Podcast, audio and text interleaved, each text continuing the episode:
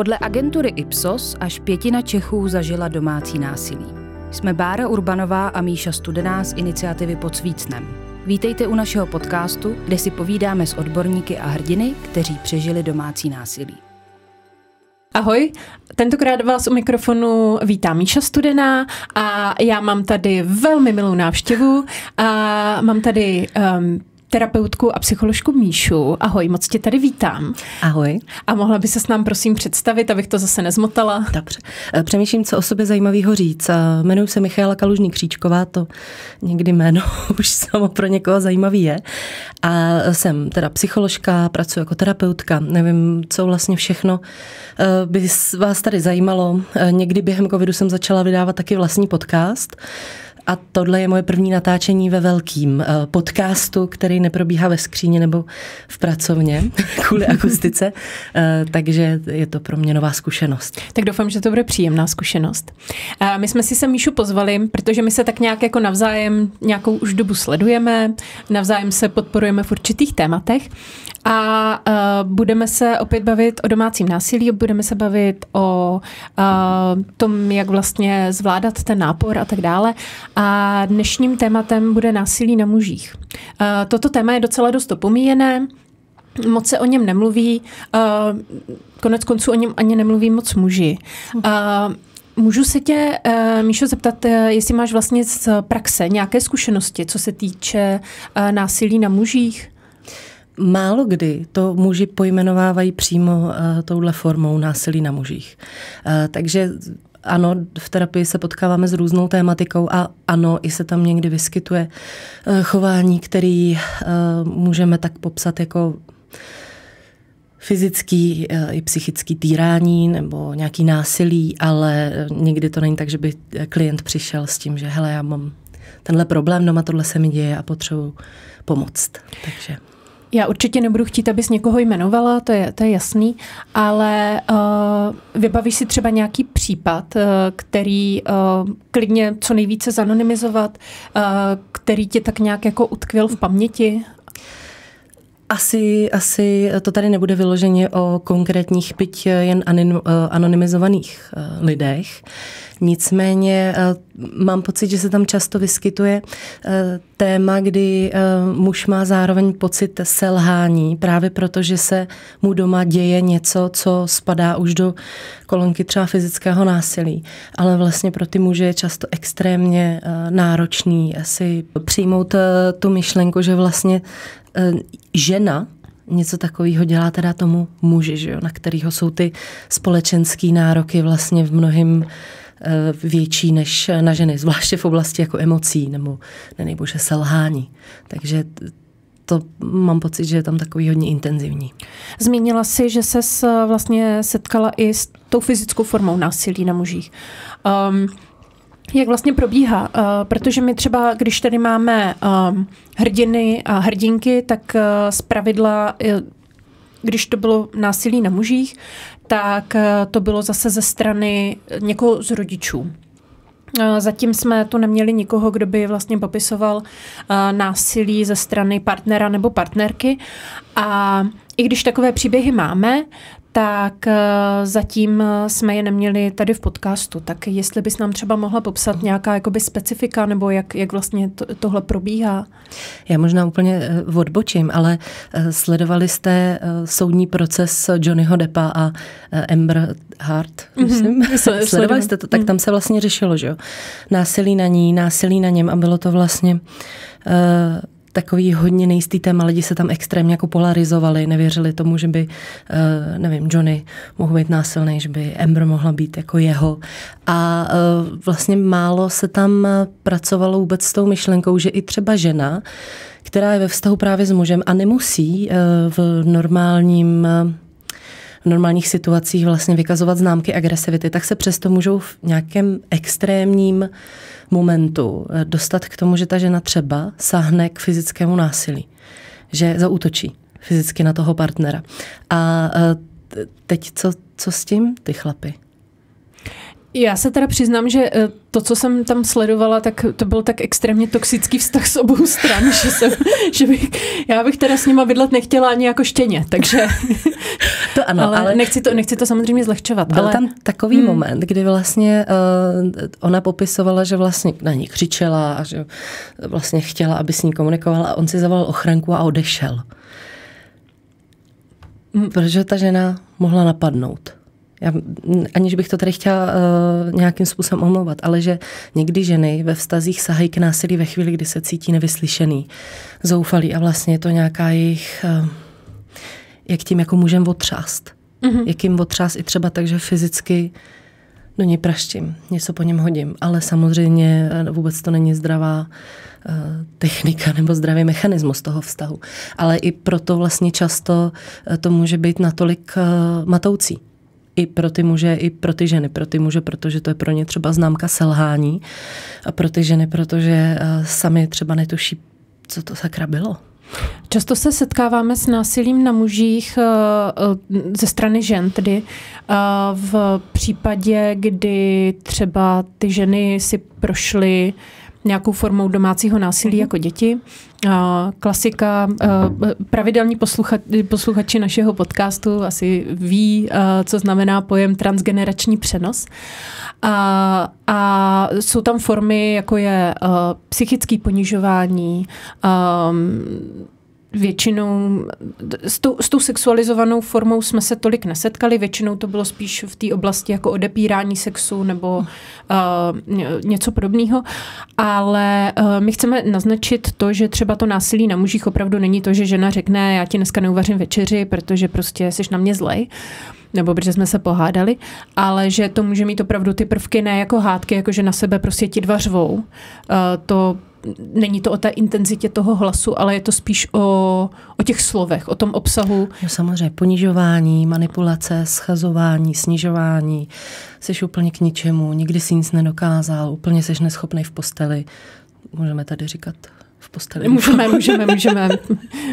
Mě už tady prošlo věcí. Že... jo, eh, ale v podstatě takový mm-hmm. jako eh, snižování hodnoty toho člověka, nabourávání jeho sebeúcty. A ano, tady opravdu pracujeme s tím, že eh, ve chvíli, kdy dítě vyrůstá v rodině, kde Jednak může být normální, že se tímhle způsobem doma komunikuje, a nebo se přímo komunikuje s ním. A e, to jsou zase ty obrovský témata, jak vychovávat děti, že jo? aby e, se jim teda neubližovalo. Jestli rodič, který řekne, jsi úplně neschopný, jak to, že si neumíš uslat postel, tak jestli je teda jako v právu, jestli to teda všichni jako ty děti přežijou a vyrostou z nich normální lidi. A nebo jestli to jsou přesně ty věty, které e, můžou znamenat pak třeba to, že v nějakým v nějaký nepohodě třeba té ženy eh, ve chvíli, kdy se o sebe neumí postarat, kdy neumí pracovat se svýma emocema, sama třeba netuší, eh, co se jí děje, tak jestli vlastně v takových momentech může sáhnout přesně po těch naučených mechanismech, které jsou absolutně automatický, neuvědomovaný a vůbec nemusí být vlastně její, její plán ublížit nebo tomu muži ubližovat. Ale hmm. může to být prostě naučený jednání, kdy nemám nic jiného v zásobě. Nenapadne mě tam automaticky jiná reakce. Já, já uh, nevím, eh, jak moc vlastně asi nikdo se úplně neučíme s emocema pracovat preventivně v těch preventivních fázích. Eh, většinou se právě na terapii dostáváme až ve chvíli, kdy se nám něco děje, něco nám v životě nefunguje. A tam teprve třeba přicházíme do kontaktu s tím, že naše vlastní emoce jsou pro nás pandorina skřínka a že my vlastně nejenom, že se jich bojíme, ale eh, vůbec nevíme, že by nám mohly být nějak užitku a vlastně máme jenom třeba strach z toho, že vztek je eh, obrovská eh, toxická přesně jako emoce, která ničí životy a ničí náš samotný právě, protože ji známe jenom v té prudké verzi. Mně tak napadá, když tě poslouchám, tak nás určitě poslouchá spousta, spousta lidí a dívá se na nás spousta lidí. To teď vůbec nejsem nervózní z těch kamer. Není zač. Není zač. A, a teď eh, třeba jsem žena, a hm, teda jsem žena, ale eh, dejme tomu, že eh, jsem hypotetická posluchačka aktuálně podcastu a najednou se v tom začínám nacházet, že přesně takto se chovám ke svému partnerovi. Co bys mi doporučila? Záleží, jak moc ten partner eh, by byl ochoten třeba pracovat na té problematice dohromady, anebo vlastně jak moc je tam zdravá ta dynamika, eh, že by si ten pár troufl jít třeba společně do párové terapie. Eh, ve chvíli, kdy to je tabu, protože párová terapie je mnohem větší často tabu než eh, ta individuální, tak je určitě eh, výhodný pro tu ženu navštívit individuální terapii, aby mohla vůbec třeba porozumět tomu, co se tam děje, aby mohli společně pracovat na tom, aby ten její kontakt s emocema byl bezpečnější, aby mu lépe rozuměla, aby ty emoce nebyly destruktivní, ale byly vlastně to, co mají být, nějaká informační hodnota z nitru těla. Mm-hmm. Mně totiž napadá, že ono je potřeba zase zdůraznit to, že domácí násilí uh, není o, jenom o té fyzické převaze, ale je to mocenský vztah. Je to, je to je to vlastně vztah někoho, kdo jakoby v uvozovkách teď samozřejmě má tu moc nad někým, kdo je v tom stavu jakoby podřízen, nebo v tom vztahu jakoby podřízen.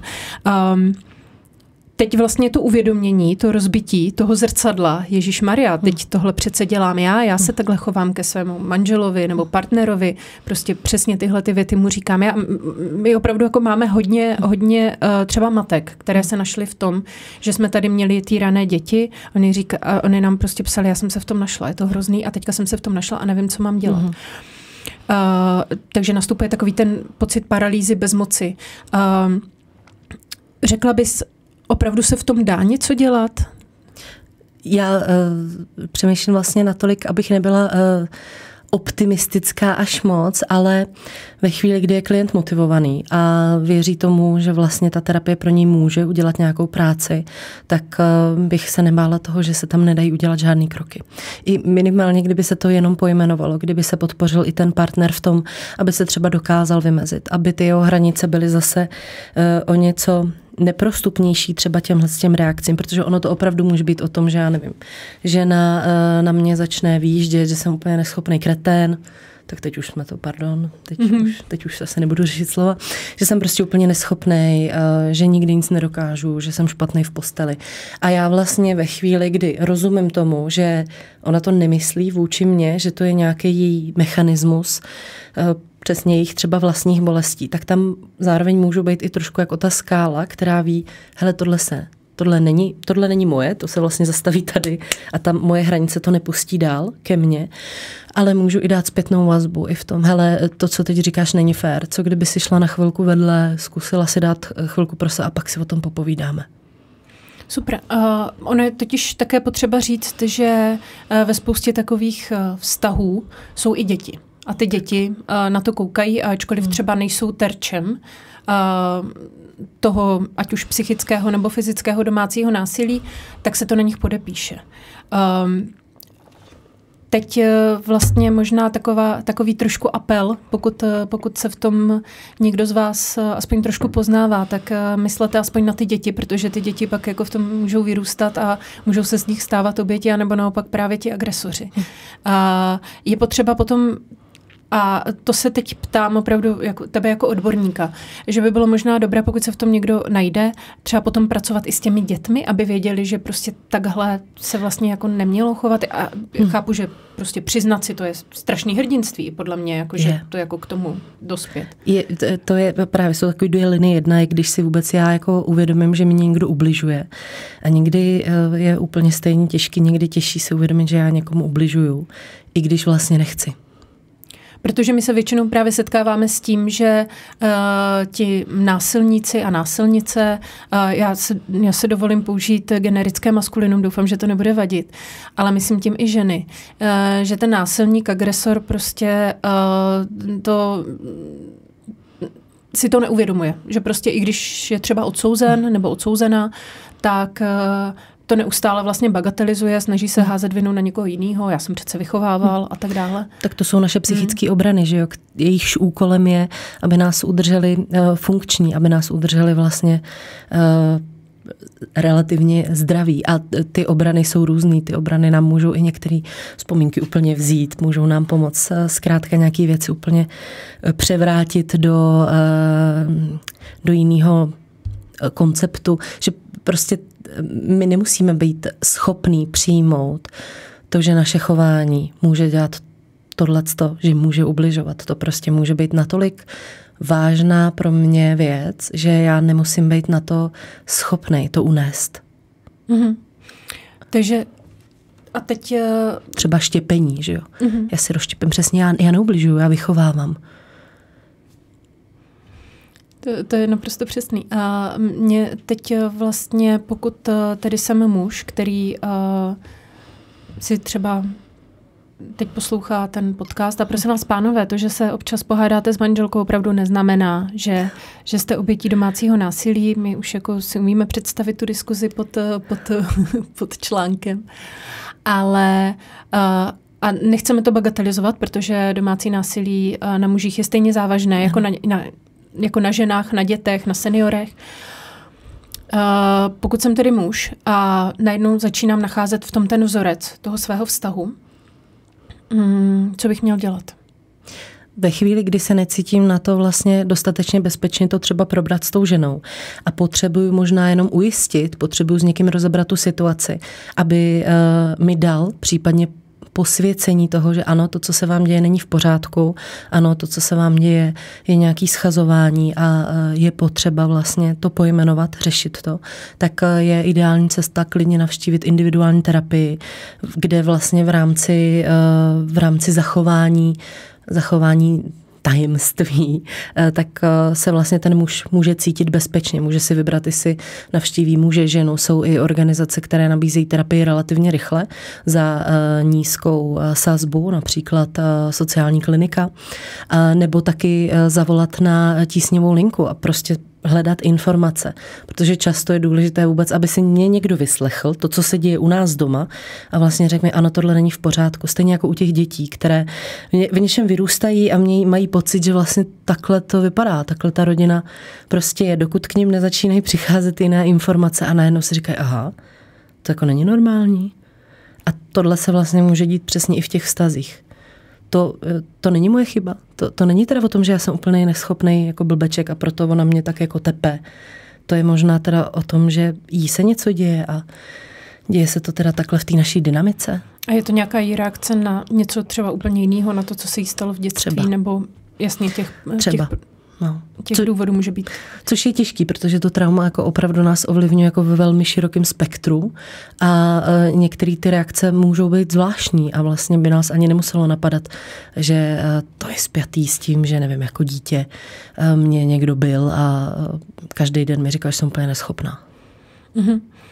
Ono uh, taky často se nám stává to, že uh, ti muži nám třeba o tom násilí, které se děje ze strany, teda, nebo které se dělo, většinou to už mají nějak zpracováno eh, když se nám svěří. Eh, když se eh, stávalo ze strany ženy, tak, a teď se bavíme o partnerských stazích, já myslím, že k těm dětem se dostaneme ještě, tak vlastně říkali, že to okolí to bagatelizovalo, že to okolí prostě řeká, prosím tě, teď jsi takový velký chlap a ona jako, prosím tě, tady nám budeš něco mhm. vykládat. Uh, jak by, jestli, jestli bych tě mohla poprosit, kdybych třeba byla kamarádka nebo kamarád a uh, přišel by za mnou uh, můj kamarád, že prostě se mu něco takového uh-huh. děje. Třeba ani by to neuměl úplně pojmenovat, ne, nemusí to být třeba vyloženě i domácí násilí, ono někdy to můžou být fakt toxický vztahy, který prostě s tou, kde ta hranice je kolikrát velmi nízká, nebo velmi, velmi, velmi úzká. Um, co by, co, jak bych, jaká by měla být moje reakce uh, vůči tomu? Eh, je otázka vlastně, eh, co by ten člověk potřeboval. Jestli by vlastně potřeboval jenom, aby se mnou sdílel, že se necítí dobře, jestli by potřeboval radu. Určitě bych se vyptala, co vlastně co vlastně potřebuje, jestli potřebuje podpořit, jestli potřebuje poradit, jestli potřebuje pomoct, eh, hledat eh, někde nějakou pomoc, ale platí to stejně jako vždycky nesnižuju utrpení druhého a vlastně nehodnotím, ale to je těžký, protože když nám někdo eh, s náma sdílí, že vlastně trpí, že je mu hodně špatně, tak nás samotný to konfrontuje s našima emocema. A zase ve chvíli, kdy s nima možná neumíme úplně dobře pracovat, tak pro nás je často ohrožující zůstat s tím člověkem v té jámě, a tak vlastně sami říkáme, ale prosím tě, to není tak hrozný, pojď nahoru, tady se nic jako neděje. Takže uh, Já vždycky říkám, jako, no. že je hrozně těžké víc té své bubliny, toho, toho štěstí, kde prostě lítají ti jednorožci, nebo aspoň si to jako namlouvám a, a uh, propíchnout ty a najednou zjistit, že to třeba nebyli úplně jednorožci, ale prostě kolem sválal kůň nebo běhalo sel může nás to ohrožovat, když s náma někdo sdílí svoje utrpení, protože přesně my, my můžeme mít mechanismy, které nás relativně drží od toho, že jako nám se nic neděje, že jsme úplně v klidu, všechno je boží. Ale jakmile přijde někdo, kdo vlastně zažívá nějaký aktuální svoje utrpení, tak jenom ta přítomnost těch emocí a to, že na mě ten člověk tou emocí působí, může znamenat, že uh, já sám se vlastně cítím ohrožen a nevím najednou, co se svýma vlastníma emocema. A i tohle je vlastně potřeba komunikovat. Klidně to, hele, já vlastně se přiznám, že nevím, co ti ti jako na to říct a jsem z toho celý nějaký rozhozený, ale eh, co kdybychom se podívali společně na nějaký organizace, který tohle řeší, aby ti k tomu někdo řekl někdo něco odborného, protože já tomu moc jako nerozumím. Takže já bych doporučovala lidem, na který se někdo obrátí s nějakým vlastním utrpením, aby eh, primárně posoudili oni sami vlastně, jak jsou schopní to utrpení ustát, nebo jak vlastně oni sami se cítí. A ve chvíli, kdy na to nemám, tak to klidně komunikovat. Ale taky někdy eh, nabízíme tu pomoc za naše hranice. A to je taky pak eh, potíž. Jasně. Um, teď se asi dostaneme k těm dětem. Budeme se opravdu dneska věnovat především násilí na mužích ze strany žen. Um, protože je to takové jako hodně, hodně uh, třaskavé téma. A uh, Nás, nás docela dost překvapilo, kolik uh, mužů si v dětství prožilo uh, domácí násilí ze strany matek, že byli třeba týraní, dokonce i sexuálně zneužívaní. Ano. Nebo že, a já si myslím, že je to vlastně taky určitá forma domácího násilí, že třeba ty matky to věděly, že byly zneužívaný a vlastně to nechávali bejt a e, nebo dokonce kolikrát tomu týrání doslova přihlíželi, hmm. že to nebylo tak, že by to nevěděli, což taky máme hmm. spoustu případů, že to ty matky ve chvíli, kdy se to rozvěděli, tak se prostě zhroutili, protože to vůbec netušili, ale řešili to. Nicméně, uh, jaký takový, co se pak může stát takovému muži, který byl vlastně uh, v dětství uh, týrán, uh, jakoukoliv formou uh, ze strany matky, jaký to může mít na něj vliv do budoucna? To se zase dostáváme do poměrně eh, nele, nelehce eh, zodpovězitelné otázky, protože ta škála té problematiky může být velmi eh, široká. Od užívání návykových látek po sebepoškozování až suicidům, mm-hmm. pokusy o něj, k nějakým formám poruchy osobnosti, kdy vlastně, vlastně mi to může zasahovat velmi intenzivně do mýho života, k problémům ve vztazích k ženám, vůbec jako problémům eh, jednak s důvěrou, s vlastní sexualitou. Eh, nedokážu asi úplně lehce eh, odpovědět, jo, protože ta psychika zase ve chvíli přesně, kdy se mi děje něco těžkého a já nemám to bezpečný prostředí a kapacitu na toto zvládnout, tak ta psychika si s tím potřebuje nějak poradit a v některých fázích je nejjednodušší to prostě sebrat a schovat.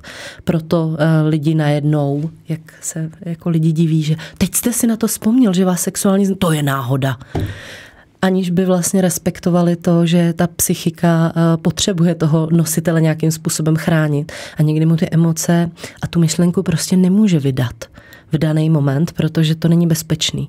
Ale eh, přesto vlastně nějakým způsobem ho ovlivňuje v jeho činech, což znamená, že eh, můžu mít pána, který se utápí v alkoholu, který se regulárně tím alkoholem zabíjí a není možný pro něj ale přestat.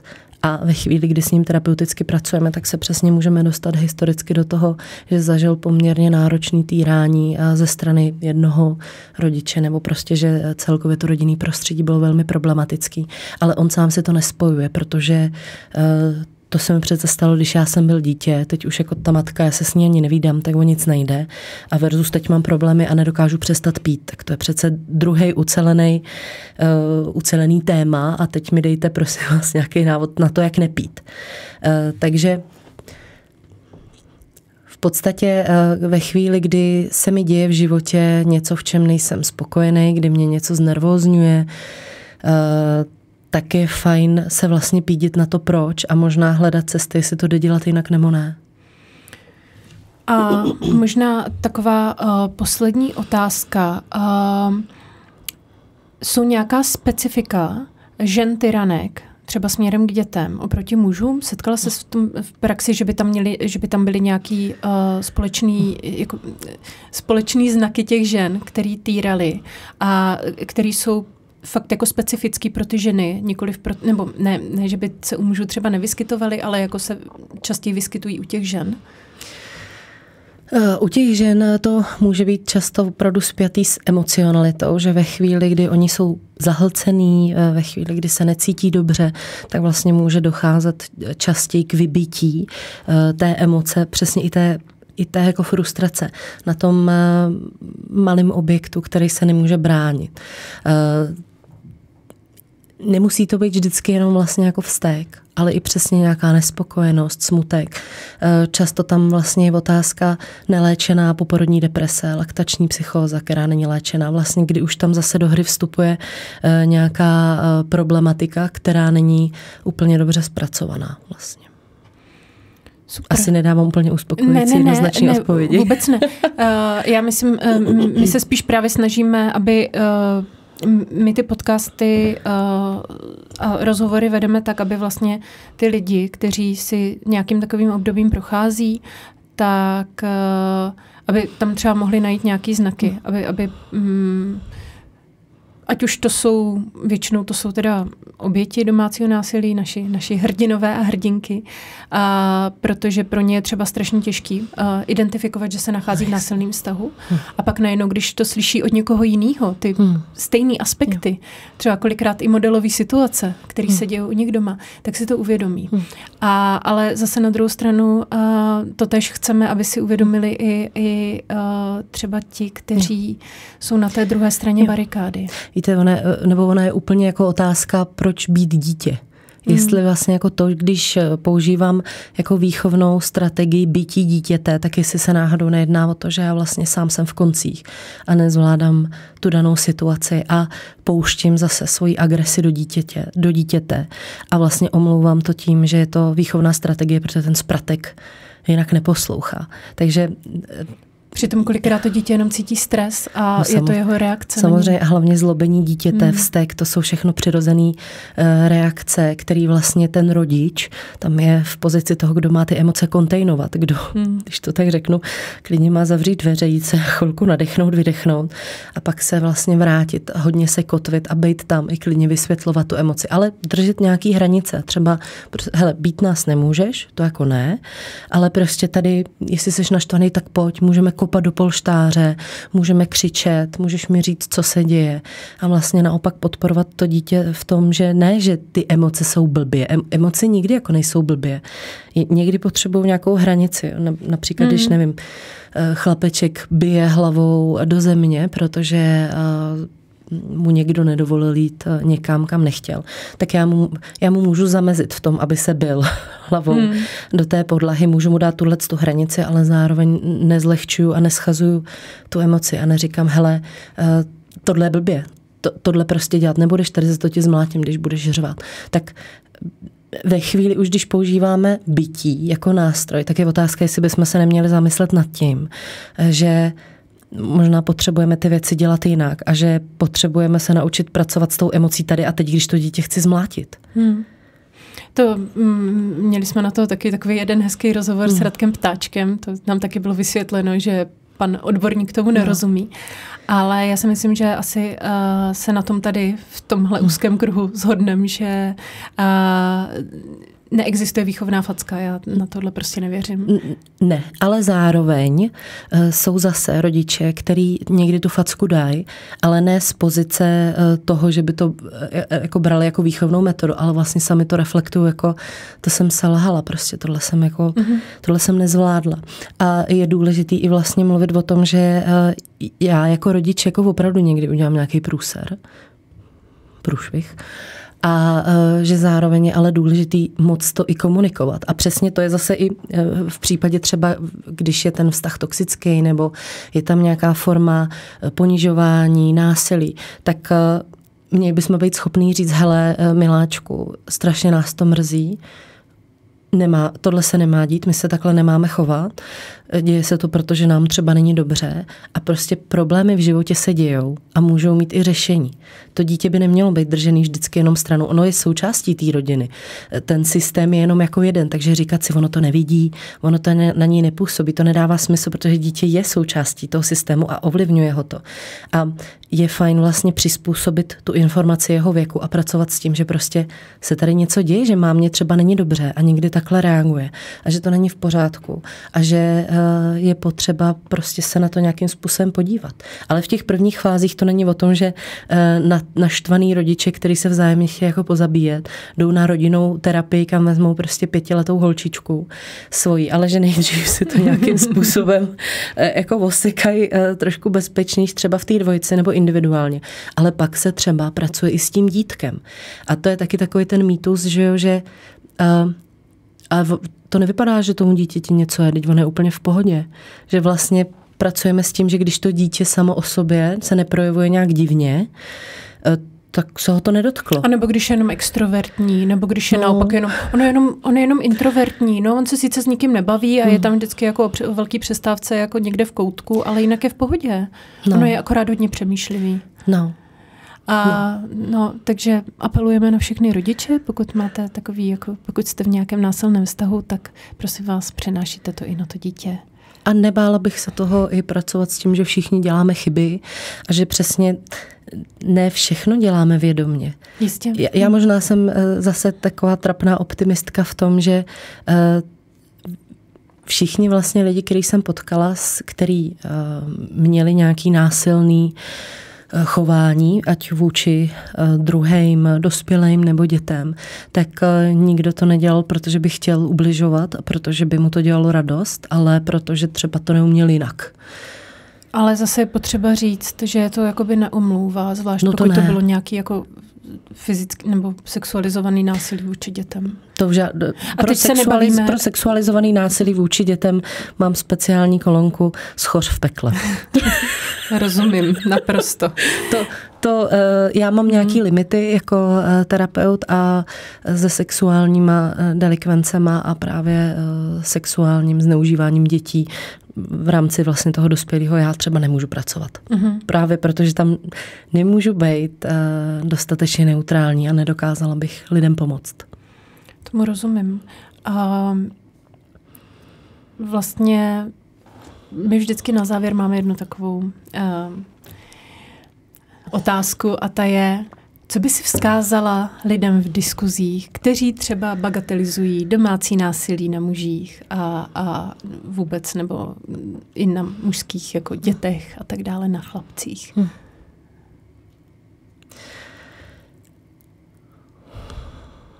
Přemýšlím, eh, jak to formulovat, ale vzkázala bych, eh, že chápu, že to může být děsivý a že vlastně přijmout přijmout eh, i ty emoce a slabosti, že prostě je náročný, ale že to neznamená, že musím vlastně ubližovat druhým lidem. A můžu si o tom klidně myslet svoje a můžu si myslet o tom, že tady kříčkováme ale úplný kraviny a co to je za blbou blbku, která dostala diplom. ale uh, ono se to opravdu děje, děje se to v obrovském měřítku, děje se to nepojmenovaný. A uh, my tady mluvíme o tom, že společnost ubližuje ženám tím a samozřejmě ubližuje, když se mluví o tom, že ona to chtěla a to nebylo znásilnění a každá si tady vymyslí znásilnění, ale stejně tak ubližujeme těm mužům. Když jim říkáme, eh, a prosím tě, jako přece nebudeš brečet, ne? Tak jako nebuď bábovka prostě a eh, tak kdyby si chtěl, tak jako jí prostě chytneš, teď máš větší sílu. Ty muže to akorát zneschopňuje. A pak my sami činíme tu společnost nemocnou. Já ti moc krát děkuji, že jsi přišla, že jsi nám takhle povídala a odpovídala na mé neúplně jednoduché otázky. Si to vážím. Já děkuji, že jsem mohla sem přijít a eh, těším se na tu diskuzi pod příspěvkem. Já ji nečtu. Tak, takže kde mi tam nadáváte, pardon, nevím o tom, omlouvám se. Asi, asi to taky budu muset, asi to taky budu muset zvolit. tak jo, děkujeme moc, doufám, že se vám dnešní díl líbil. Mějte se hezky, nashledanou. Nashledanou.